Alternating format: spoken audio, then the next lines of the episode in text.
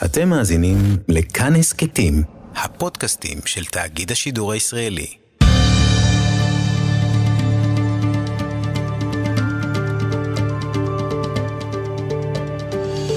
כיוון הרוח עם בני טייטלבוים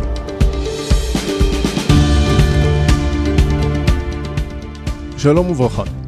הן נשים חרדיות, קשה להעריך את מספרן המדויק. בעבר קראו להחרים את הבחירות אם המפלגות החרדיות לא ישלבו נשים כחברות כנסת. גם אנחנו רוצות. הקריאה הזו לא זכתה לעד גדול. לא בציבור החילוני, כמובן, וגם לא בציבור החרדי. אין להם בעצם אה, קהל. ובכל זאת התופעה מרתקת. חוקרים מרותקים מהעולם החרדי, מהפמיניזם החרדי, פגשנו אחד מהם, אשר סוזין, איש אקדמיה, חוקר, לא חי בשכונה חרדית. הוא משוכנע שנשים חרדיות מודרות ומופלות. לא הסכמנו על הכל, אבל השיחה הייתה מרתקת. עורך ומפיק איתי סופרין, אני בני טייטלבום, נצא לדרך.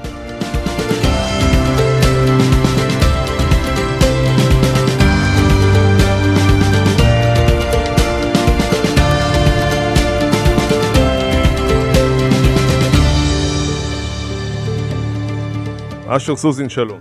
שלום וברכה. מרצה במכללת הדסה בירושלים, דוקטורנט בחוג למדע המדינה באוניברסיטת חיפה. פמיניזם חרדי, זה הנושא שאתה חוקר. בוא תבהר לנו את המושג הזה שלהרבה אנשים ברחוב נשמע כמו תרתי דסתרי, אם נשתמש בארמית. כן, לרוב אה, פמיניזם ודת באופן כללי אה, לכאורה יכול להיות סותר.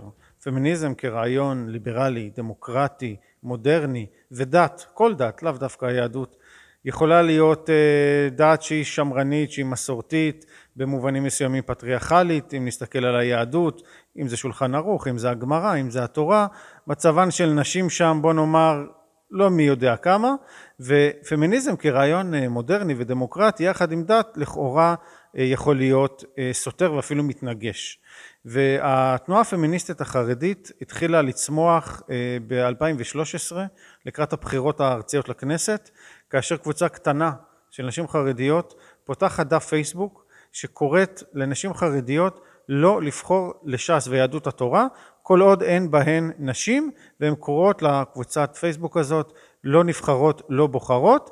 דהיינו כל עוד אנחנו לא נבחרות בתוך הרשימות האלו אנחנו גם לא בוחרות בהן.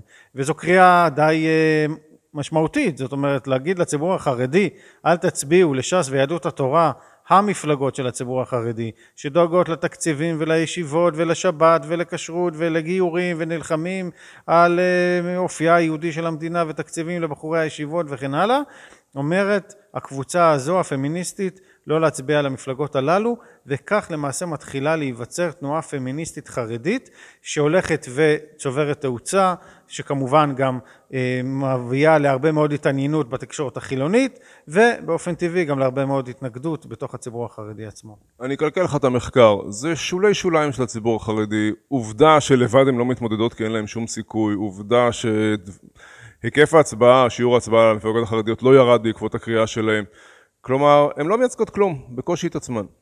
הן מייצגות uh, הרבה מאוד uh, uh, זרמים תת-קרקעיים, לא מעט מהן מעידות שבנות משפחה, חברות קהילה, שכנות, אומרות להם כל הכבוד, כל הכבוד, וכשהן מתבקשות לבוא, להיות חלק, הן אומרות לא, לא, לא, אני לא.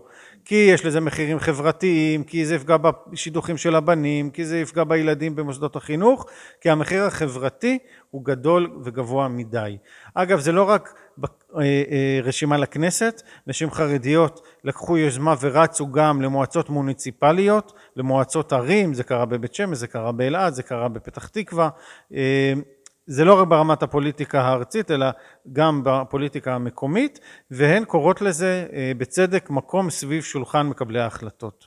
וזה לאו דווקא בפוליטיקה הארצית, נכון שהקריאה המרכזית היא פוליטיקה ארצית אבל זה לא רק שם עכשיו נכון שאמרת שוליים מספרית זה נכון שהיא לא קבוצה גדולה אבל יש לה אדוות ויש לה השלכות מאוד גדולות על הציבור החרדי וכרגע היא קבוצה קטנה אבל מתחת לפני השטח יש להם תמיכה הרבה יותר גדולה. איפה אתה רואה את האדוות האלה? אני לא רואה.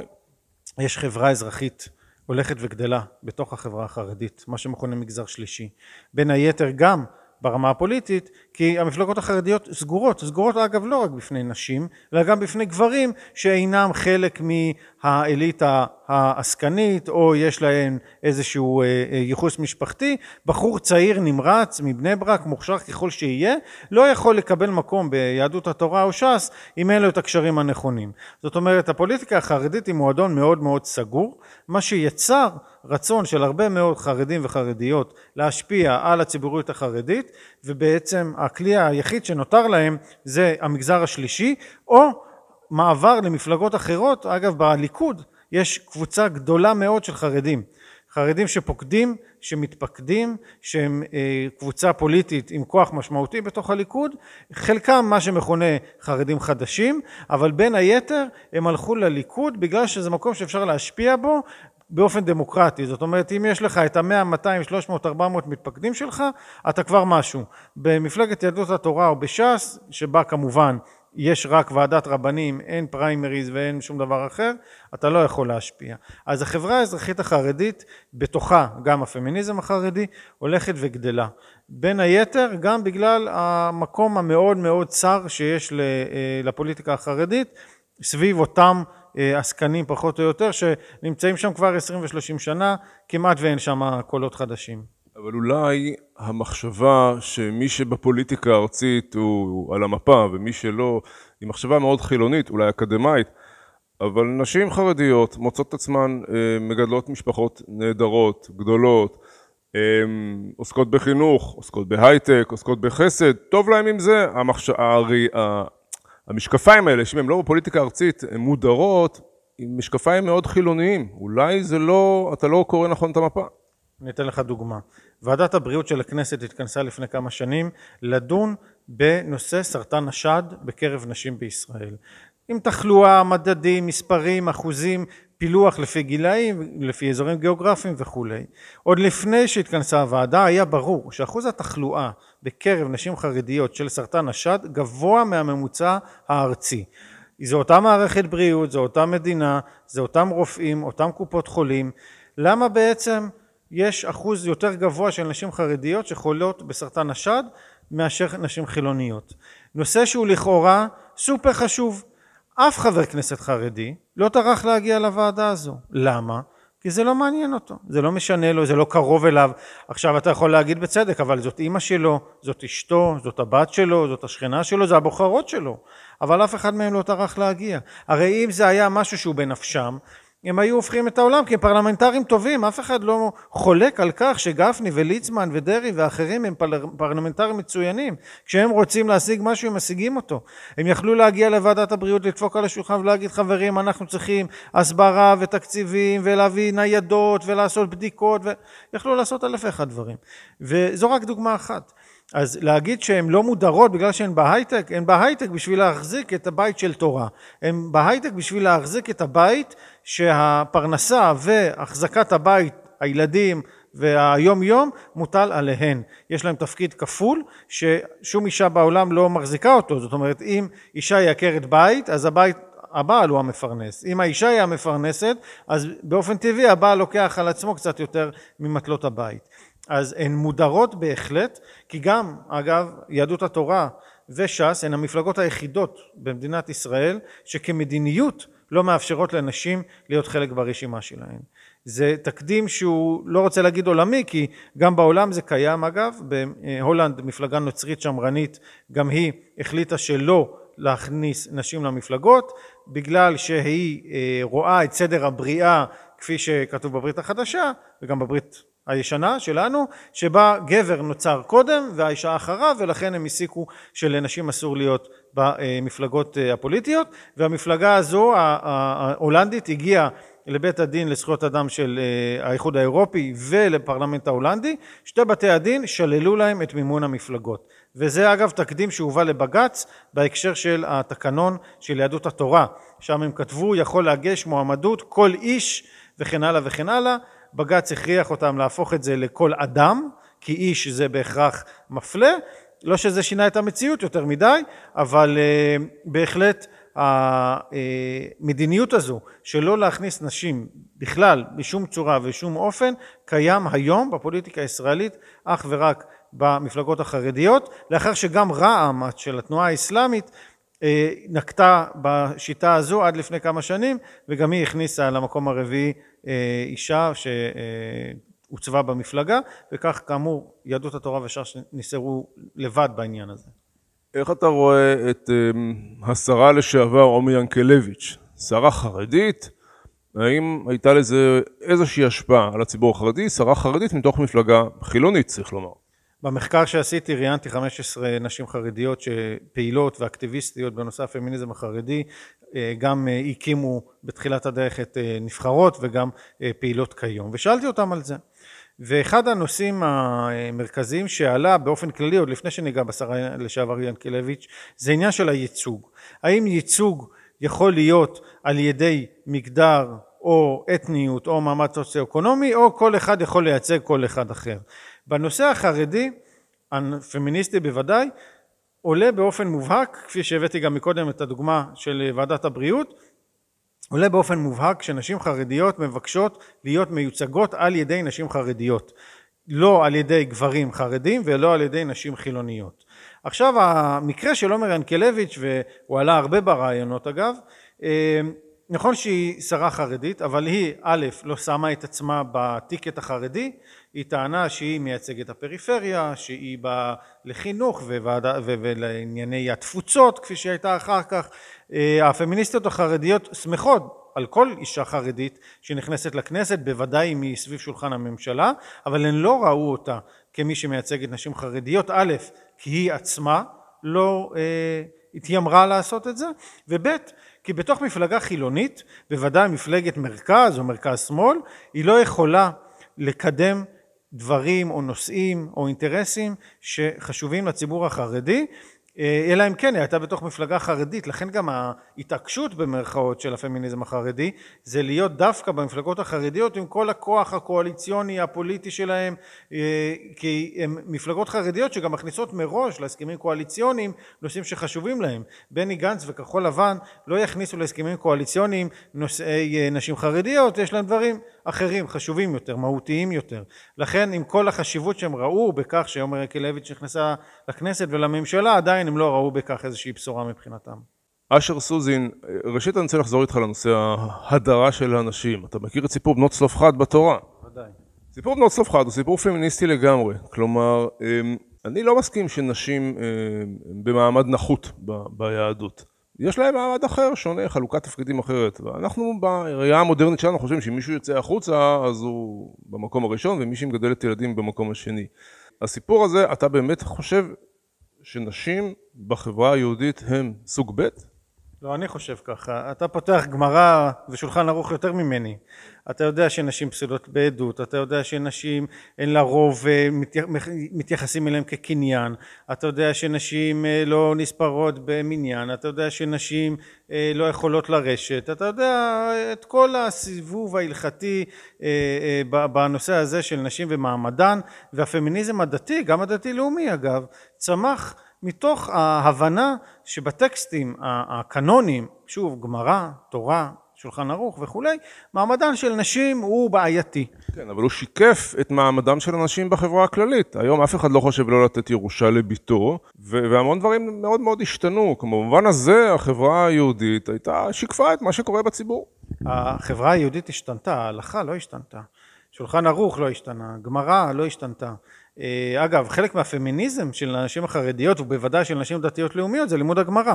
זאת אומרת, בעיקר בחברה החרדית ששם הן מודרות לחלוטין מלימוד הגמרא, בציבור הדתי לאומי זו לא תופעה חדשה, אנחנו מכירים את המדרשות ואנחנו מכירים את אה, לומדות התורה ואת מורות ההלכה, בחברה החרדית אגב זו תופעה שמתחילה לצוץ עכשיו, גם קבוצות קטנות שלומדות יחד גמרא של נשים חרדיות שזה חלק מהפמיניזם שלהם. זאת אומרת לגעת בטקסטים להתמודד איתם לדעת לקרוא אותם הם לא למדו את זה בבית יעקב הם לא למדו את זה בבית. אה, זה גם אה, אזור שהוא גברי אה, לחלוטין של הבעל של האחים של האבא ויש יש, יש, התנגשות מסוימת בין פמיניזם לבין יהדות אה, הלכתית ודאי אורתודוקסית. אה, לא מזמן הייתה צערת הפמיניסטיות הדתיות בציבור הדתי לאומי עם סגירת דף הפייסבוק של אה, הדתיות הלאומיות הפמיניסטיות מתוך הקושי שלהן ליישב יהדות הלכתית אורתודוקסית עם פמיניזם, למרות שאפשר ליישב אותו. זאת אומרת, גם הנשים החרדיות מצליחות ליישב אותו, וגם בכלל אתה צריך להסתכל על המנעד המאוד רחב של הפמיניזם. יש הרבה סוגי פמיניזמים. הפמיניזמים הרדיקליים יותר, הם בוודאי מקשים מאוד על אה, אה, דת ופמיניזם וגם הפמיניזמים הרדיקליים מאשימים את הדת במבנים פטריארכליים מדכאים וכולי אבל סוגי פמיניזמים שמרניים יותר, ליברליים יותר, בוודאי שיכולים לעלות בקנה אחד. על אף הסתירה, אני העליתי את הנושא הזה ברעיונות והנשים החרדיות, בוודאי אלה שלומדות גמרא, אומרות נכון, יש דברים שקשה לי איתם, אבל אני חיה עם זה. זו ההלכה, זו הגמרא, אני חיה עם זה, יחד עם הזהות הפמיניסטית שלי, והדרישה שלי, וזה גם עניין מאוד מאוד חשוב, כולן העלו את הנושא שהדרישה שלהן לייצוג פוליטי הוא בוודאי בוודאי לא סותר את ההלכה. אולי, לא אולי, בוודאות סותר נורמות חברתיות בתוך החברה החרדית, אבל את ההלכה בוודאי שהוא לא סותר. אנחנו מדברים על הציבור החרדי, בסך הכל מדובר על אה, יותר מיליון בני אדם, בגדול מחלקים אותם לשלוש קבוצות, שזה הספרדים, החסידים והליטאים. בואו נצלול פנימה לתוך הציבור החרדי, מה השונות שאתה רואה?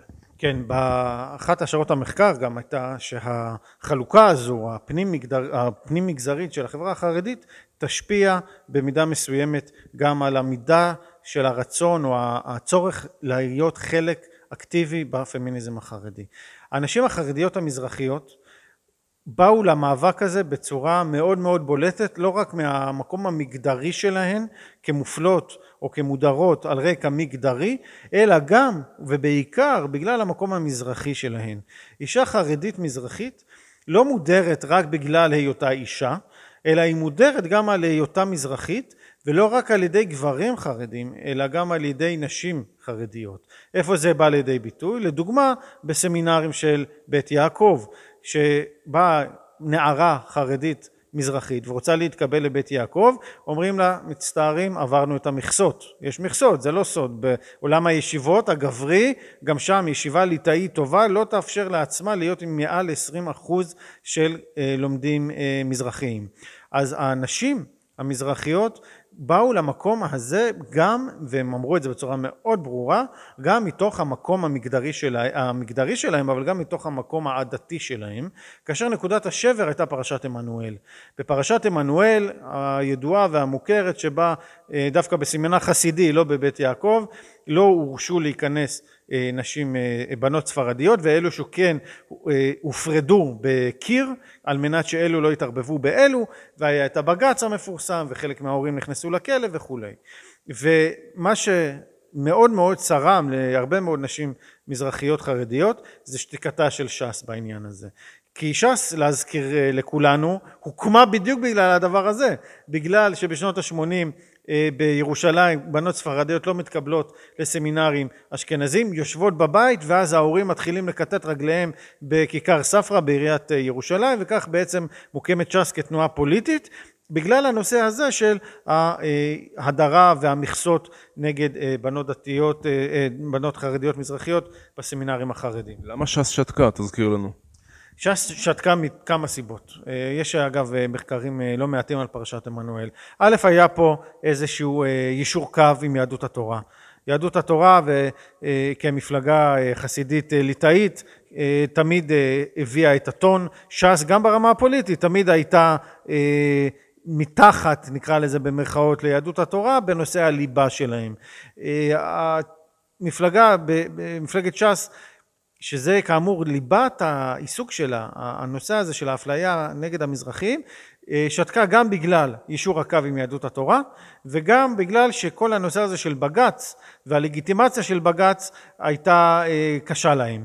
אבל זה היה בעיקר בעיקר סביב הפטרונות החרדית האשכנזית גם של הרבנים גם של המפלגות הפוליטיות וגם הרב עובדיה יוסף נפגש עם האדמו"ר מסלונים רצו לפתור את זה בצורה אה, כזו או אחרת אבל בסופו של דבר זה גם מגיע לבג"ץ ואז כל הסיפור הזה אה, הולך וגדל. אז זה לגבי הנשים המזרחיות. אבל אולי היה שם עוד משהו שרבות מהבנות של חברי הכנסת החרדים הולכות למוסדות אשכנזיים כלומר זה יפה לדבר גבוהה גבוהה אבל לבת שלך לרבקה לאה אתה דואג. נכון גם המרואיינות שלי אמרו, אני כשרציתי להיכנס לבית יעקב, אבא שלי הפעיל את כל הקשרים שהיו לו בעולם, לפעמים זה עזר ולפעמים זה לא עזר. אני מזכיר שצמרת ש"ס ברמה הפוליטית למדו בישיבות ליטאיות. אה, השר לשעבר אריה דרעי, תלמיד ישיבת חברון, אה, גם אחרים שם, כולם כמעט למדו בישיבות ליטאיות. אה, אם נלך עוד יותר אחורה, לשנות החמישים, יש ספר מפורסם של יעקב לופו, שקרא לה ש"ס על הפטרונות שהציבור החרדי-ליטאי לוקח על המזרחיים, בין היתר בשביל למלא את ספסלי בתי המדרש והישיבות לאחר השואה, וכך הם עוברים למעשה תהליך חברות ליטאי, בישיבות ובמערכת החינוך החרדית-ליטאית ולהזכיר לך ולכולנו מי שמקים את ש"ס לא היה הרב עובדיה יוסף אלא הרב שך הרב שך שרב ומסתכסך עם החסידים בתוך יהדות התורה עם אגודת ישראל הולך ומקים את ש"ס בשביל מה שנקרא להראות להם לחסידים שהוא חזק מהם וכך הוא מקים את ש"ס ולאחר מכן הרב עובדיה יוסף כשמסיים את תפקידו כרב הספרדי הראשי בעצם מתמנה להיות הסמכות הרוחנית של ש"ס אבל ש"ס במקורה וגם הציבור החרדי הספרדי בהרבה מהמובנים הוא למעשה תחת פטרונות ליטאית ברורה וגם מודל חברת הלומדים מועתק בשכבה מאוד דקה אמנם אבל הוא מועתק אל הציבור החרדי הספרדי שלומד במיר, שלומד בפונוביץ', שלומד בחברון ששוב כמובן שכבה מאוד מאוד דקה כי רוב הציבור הספרדי הוא לא כזה אבל אלו שכן למדו במוסדות הישיבתיים או בסמינרים הליטאיים בהחלט עברו תהליכי חברות. אחת המרואיינות שהיא חרדית ספרדית וגם בעלה חרדי ספרדי אבל עברו תהליכי אה, חברות ליטאיים ברורים גם היא בבית יעקב וגם הוא בישיבה אמרה כשאני הוצאתי רישיון נהיגה חמותי אמרה מה הרב שך היה אומר על זה לא מה הרב עובדיה היה אומר על זה אז זו דוגמה מאוד טובה לתהליכים האלה שהם עברו. אגב רק נזכיר שבתו של הרב עובדיה יוסף עדינה בר שלום התמודדה ניסתה להתמודד באחת מערכות הבחירות האחרונות ולא הצליחה. גם לא הנשים החרדיות הספרדיות לא חשבו שהיא מודל שצריך לתמוך בו. מה ההסבר שלך? רבות מהנשים החרדיות, הספרדיות והאשכנזיות כאחד, לא רואות את הצורך בהכרח שנשים ייצגו אותן. מדוע? א', כי הן חושבות, ואני לטעמי חושב שהן אה, לא צודקות בנושא הזה, אבל הן צריכות להחליט, לא אני, הן רואות בנבחרי הציבור החרדים כמי שעושים את, עבודם, את עבודתם נאמנה בגלל שהם דואגים לתקציבי הישיבות וכן הלאה ומבחינתן זה מספיק. חלקן, חלקן הגדול, שומעות לדעת תורה. הרבנים אלה ואחרים אמרו להצביע ג' או ש"ס והן מצביעות. אם הרב קנייבסקי אמר ואם הרב עובדיה זצ"ל אמר אז עושים. לא מתווכחים, לא שואלים שאלות, אומרים לשים ג' שמים ג'. האבא ובעלי והרבנים אמרו זה מספיק. אני לא מתווכחת לא עם זה ולא עם זה ולא עם זה. אם האדמו"ר מגור אמר ואם האדמו"ר מבלז אמר ואם האדמו"ר מצאנז אמר אז אנחנו עושים. כנ"ל בציבור הספרדי. נכון שמאז פטירתו של הרב עובדיה יוסף קשה יותר ולכן בכל הקמפיינים הרב עובדיה מופיע חזק מאוד בכל השלטי חוצות היה את הקמפיין הראשון של אבא מסתכל מלמעלה במערכת הבחירות הראשונה לאחר פטירתו זאת אומרת ש"ס בצדק מבחינתם משתמשים בדמותו של הרב עובדיה כקלף המרכזי שלהם כי הרבה מאוד חרדים ואגב גם הרבה מאוד מסורתיים הצביעו לש"ס רק בגלל הרב עובדיה. כי הרב עובדיה אמר אז הם עושים. לא יודע, הם לא יודעים מה דעתם על דרעי ועל זה או על אחר או על אלי ישי בזמנו זה לא מעניין אותם מבחינתם הרב עובדיה אמר כנ"ל גם הנשים החרדיות גדולי הדור אמרו אז הם עושות דיברנו על ההבדל בין חרדים אה, אשכנזים לחרדים מעדות המזרח. האם בתוך הציבור החרדי אשכנזי יש בידול בין ליטאים לחסידים? האם אתה רואה שונות בכל מה שקשור לפמיניזם דתי? כן, אה, בהקשר הזה אנחנו רואים יותר ליטאיות חלק מהפמיניזם החרדי, שבאופן כללי צריך לומר, הפמיניזם החרדי יש בו אקטיביסטיות מכל גווני הקשת החרדית. יש בה ספרדים, ספרדיות יותר נכון, ליטאיות וחסידיות אבל יש קורולציה ברורה בין מידת השמרנות בתוך החברה החרדית לבין הזהות הפנים מגזרית דהיינו ככל שאני שמרן יותר אני מן הסתם לא משתתף בפמיניזם החרדי. אחת המנחות שלי בתזה, דוקטור ליקרנר, הוציאה ספר אה, ממש אה, בשנה האחרונה, שעסק בכל המנעד המאוד רחב של שמרנות מול מודרנה בחברה החרדית.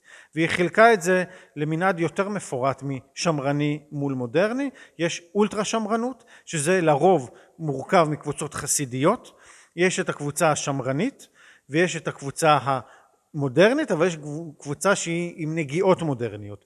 ואם נסכם, ככל שאני מודרני יותר, כמובן שיש בקבוצות הללו יותר ליטאים ויותר ספרדים. וככל שהולכים לכיוון השמרני והאולטרה שמרני יש שם קבוצות חסידיות יותר.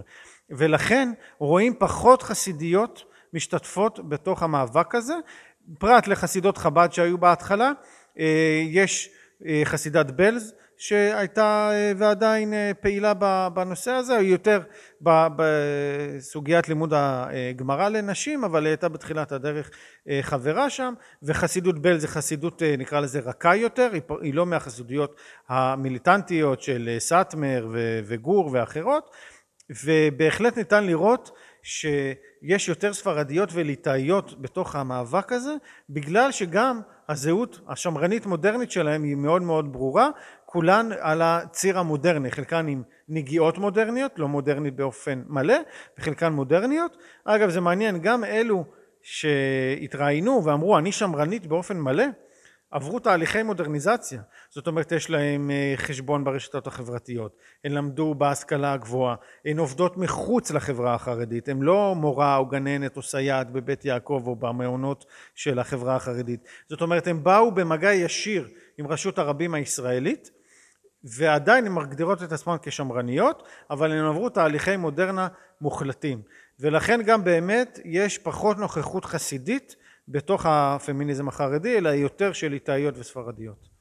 בוא נדבר רגע על מהפכת הרשתות החברתיות, איך היא אה, משרתת את זה.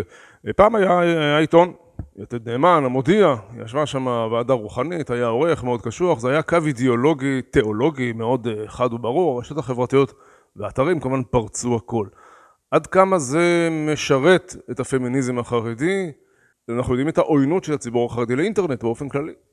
תראה, אה, קודם כל בוודאי שהקריאה הזו של הפמיניזם החרדי ושהדרישה שלהם לייצוג פוליטי ספגו מהלומות ביתד נאמן ובמודיע ובכל התקשורת החרדית הממוסדת שהתקשורת החרדית הממוסדת היא למעשה שופר של הממסד, הממסד הרבני, הממסד הפוליטי, כל עיתון קשור במפלגה זו או אחרת או בחבר כנסת זה או אחר או בחצר חסידית זו או אחרת. גם הציבור הליטאי יש לו את את העיתונים שלו בתוך המאבק הזה בין הירושלמים לבני ברקים, בין המחבלים לסוינים, כל קבוצה של שלושה אנשים פותחת עיתון משל עצמה והיא למעשה משרתת את האינטרסים הפוליטיים הציבוריים של הקבוצה הזו. וכמובן שהקבוצה הפמיניסטית אה, של נבחרות ספגה הרבה מאוד ביקורת והרשתות החברתיות ששם בעצם התחילה המחאה הזו תרמה ומסייעת מאוד לקריאה הזו ובכלל למגזר השלישי בתוכו גם הפמיניזם החרדי גם האי החשיפה של הרבה מאוד נשים חרדיות לתקשורת לא חרדית גורמת להן באופן אוטומטי בגלל שזה גם מה שהן צורכות להיות נגד הפמיניזם החרדי כי זה מה שכתוב ביתד או כי זה מה שכתוב במודיע. והסגירות התקשורתית הזו וחוסר חשיפה לרשתות חברתיות או לערוצי מדיה מקבילים או אלטרנטיביים ובוודאי שמשפיעים וכן הפמיניזם החרדי לא היה יכול לצמוח לולא הרשתות החברתיות שם הוא החל שם הוא גם קיים עד היום כקהילה שם ההשפעה הציבורית שלו על כלל החברה הישראלית ולא רק בחברה החרדית. אה, למרות שמדי פעם לפחות בחר, בעיתונים החרדים הספרדים נתנו למנהיגות המאבק לכתוב איזשהו טור דעה ולהגיד את דעתם אבל אה, כן לרוב הן חוטפות שם אה, או פשוט אה, סופגות התעלמות מוחלטת שכמובן אנחנו יודעים שהציבור החרדי יודע להתעלם או להלום במי שלא הולך בדרכו. אנחנו לקראת סיום, לאחרונה פרש נשיא המדינה ראובן ריבלין וכמובן גם ראש הסגל, ראש לשכתו רבקה רביץ, אישה חרדית אם ל-12 ילדים, בלי עין הרע, כמו שאומרים, ראינו את ברכת הנשיא ביידן, והיא אמרה באחד הראיונות, אני חולמת להיות חברת כנסת חרדית ראשונה, אמרה, חטפה ומעט נסוגה מהדברים, אמרה רק בהוראת גדולי ישראל. האמירה הזו שלה, מה החשיבות שלה, לדעתך, וכמובן, מתי אתה מעריך, נראה חברת כנסת חרדית מתוך המפלגות החרדיות? אני אתחיל מהשאלה האחרונה. מתי נראה חברת כנסת חרדית במפלגות החרדיות? אך ורק כאשר הרשות המחוקקת תתערב בעניין. זה לא יקרה באופן עצמאי. יש אה, בכל העולם אה, וגם במחקר במדע המדינה זה מוכר וידוע יש שיטה שנקראת שיטת המכסות מכסות לנשים שבה מפלגה שמבקשת לקבל מימון מפלגות צריכה אחוז מסוים של נשים ברשימתה. באירלנד זה 30 אחוז הסקנדינבים הלכו אה, הכי רחוק ל-50 אחוז וחלק מהמפלגות וחלק מהמדינות עשו את זה באופן וולונטרי חלק עשו את זה על ידי חקיקה. אבל זה רצון הבוחר. הבוחר שלהם רוצה מפלגות על טהרת המין הגברי. מה, מה, למה להידחף להם לנשמה? חצי מהבוחרים של יהדות התורה וש"ס הם בוחרות. והן בוחרות על אף שכולם רק גברים. שנים רבות הן עושות את זה. הייצוג הפוליטי שלהן אה, נפגע בצורה משמעותית. יש הרבה מאוד אה, דרכים לעשות את זה. כרגע בג"ץ לא עוסק בעניין הזה כי א' אין חוק כזה, זאת אומרת אף חבר כנסת לא העלה את הצעת החוק הזו של אה, מכסות לנשים, שלא שאין בה בעיות, יש בה בעיות אבל במדינות שבהן רצו להעלות את אחוז הייצוג של נשים הלכו על שיטת המכסות ובאופן טבעי זה בהחלט הלך ועלה וגם אה, שרות בקבינט מספרן הלך וגדל. אה, בסופו של דבר סביר מאוד להניח שהמפלגות החרדיות לא יעשו את זה מיוזמתן. השינוי הזה התחיל מלמטה מתוך הציבור עצמו. יכול להיות שבטווח הארוך הוא יחלחל וישפיע. כרגע הסיבה, יש היאמרו התירוץ של חברי הכנסת החרדים, זה כך גדולי הדור אמרו. אם הרב קנייבסקי אמר ככה הרב גפני יגיד לי להכניס אישה אני קם והולך ומכניס אישה במקומי שהרב קנייבסקי יגיד לי עכשיו שנינו יודעים שהרב קנייבסקי לא יגיד ובחלק מהמקרים חברי הכנסת באים עם ההחלטה מבושלת אל הרבנים ורק מבקשים את האישור וכנראה שזה לא יקרה בקרוב. לגבי אה, הגברת אה, רביץ, שאגב אה, אביה היה חבר כנסת ביהדות התורה. לא אביה חותנה. חותנה, סליחה.